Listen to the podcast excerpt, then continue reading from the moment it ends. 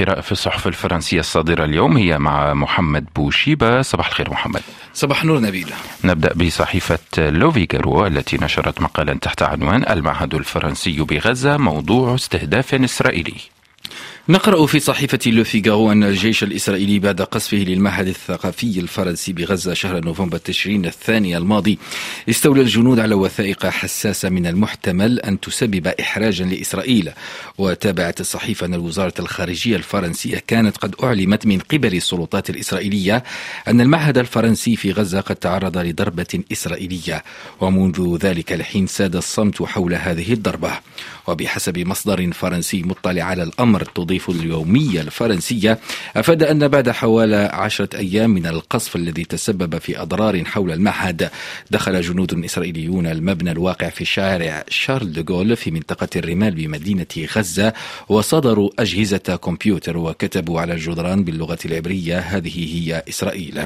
ونقلت لفيغاو عن دبلوماسي فرنسي أنه تم التقاط صور للأضرار التي أحدثها القصف وأرسلت إلى السلطات الفرنسية.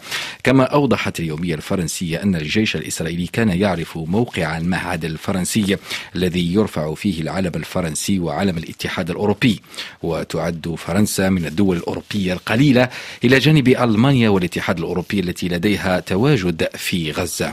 وافتتح المعهد الفرنسي عام 1989 باسم المركز الثقافي الفرنسي.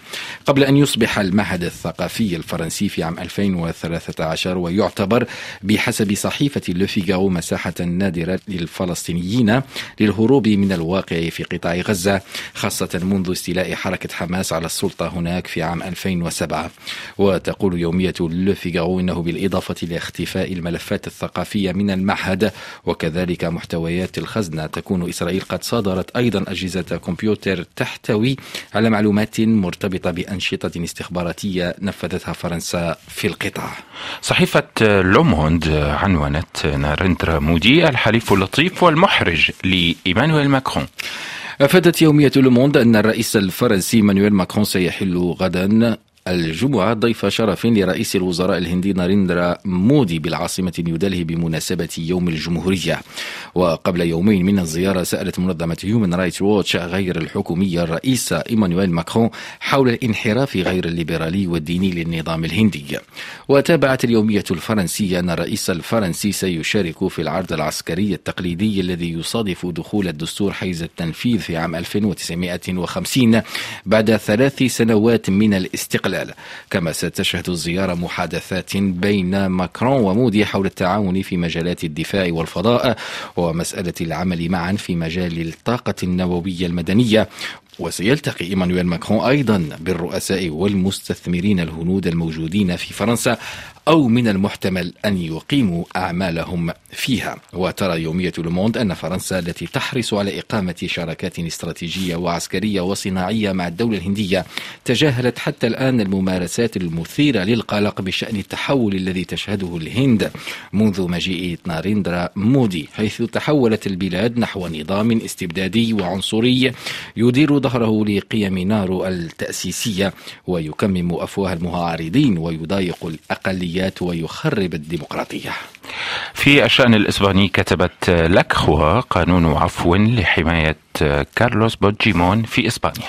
تقول صحيفة لاكروا إنه تم استكمال قانون العفو الإسباني لحماية جميع نشطاء الاستقلال الكتالونيين الذين شاركوا في الاستفتاء غير القانوني الذي أجري شهر أكتوبر 2017 من الملاحقة القضائية.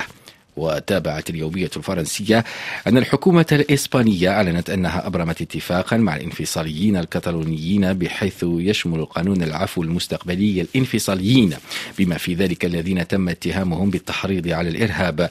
ويعتبر هذا القانون نتيجة اتفاق سياسي سابق قبل إعادة انتخاب رئيس الوزراء بيدرو سانشيز. كما سيسمح هذا القانون أيضا بإلغاء الملاحقات القضائية المتعلقة بأعمال الاستقلال قبل عام 2017 أكثر ويتعلق الأمر بالسياسيين وموظفي الخدمة المدنية في عموم كاتالونيا الذين وقعوا تحت الملاحقة القضائية بسبب تطبيقهم لقرارات مرؤوسيهم طبقا لتسلسلهم الهرمي وهم بين 300 إلى 800 شخص. ونقلت يومية الأكخو عن إحدى الطالبات من ليريدا أن أختها كانت تنتظر هذا القانون بفارغ الصبر حيث تم القبض عليها شهر أكتوبر 2019 بعد عامين من الاستفتاء واتهمت بالرغبة في حرق الممتلكات العامة ووجهت إليها تهمة الإضرار بهذه الممتلكات وهي في انتظار محاكمتها لكنها واثقة من فرص العفو عنها في حال إقرار القانون.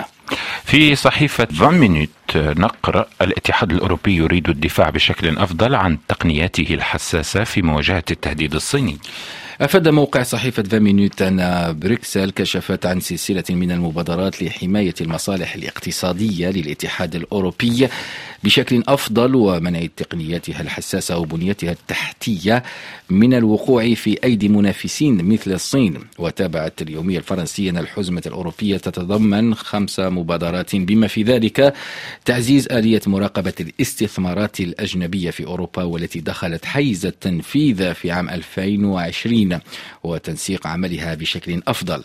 وأوضح موقع صحيفة فامينوت أن المفوضية الأوروبية أعلنت اقتراحا تشريعيا لضمان أن يكون لدى جميع الدول الأعضاء في الاتحاد الأوروبي آلية رقابة على الاستثمارات الأجنبية. هو ليس هو الحال اليوم ويخلق نقاط ضعف بين الدول الأوروبية.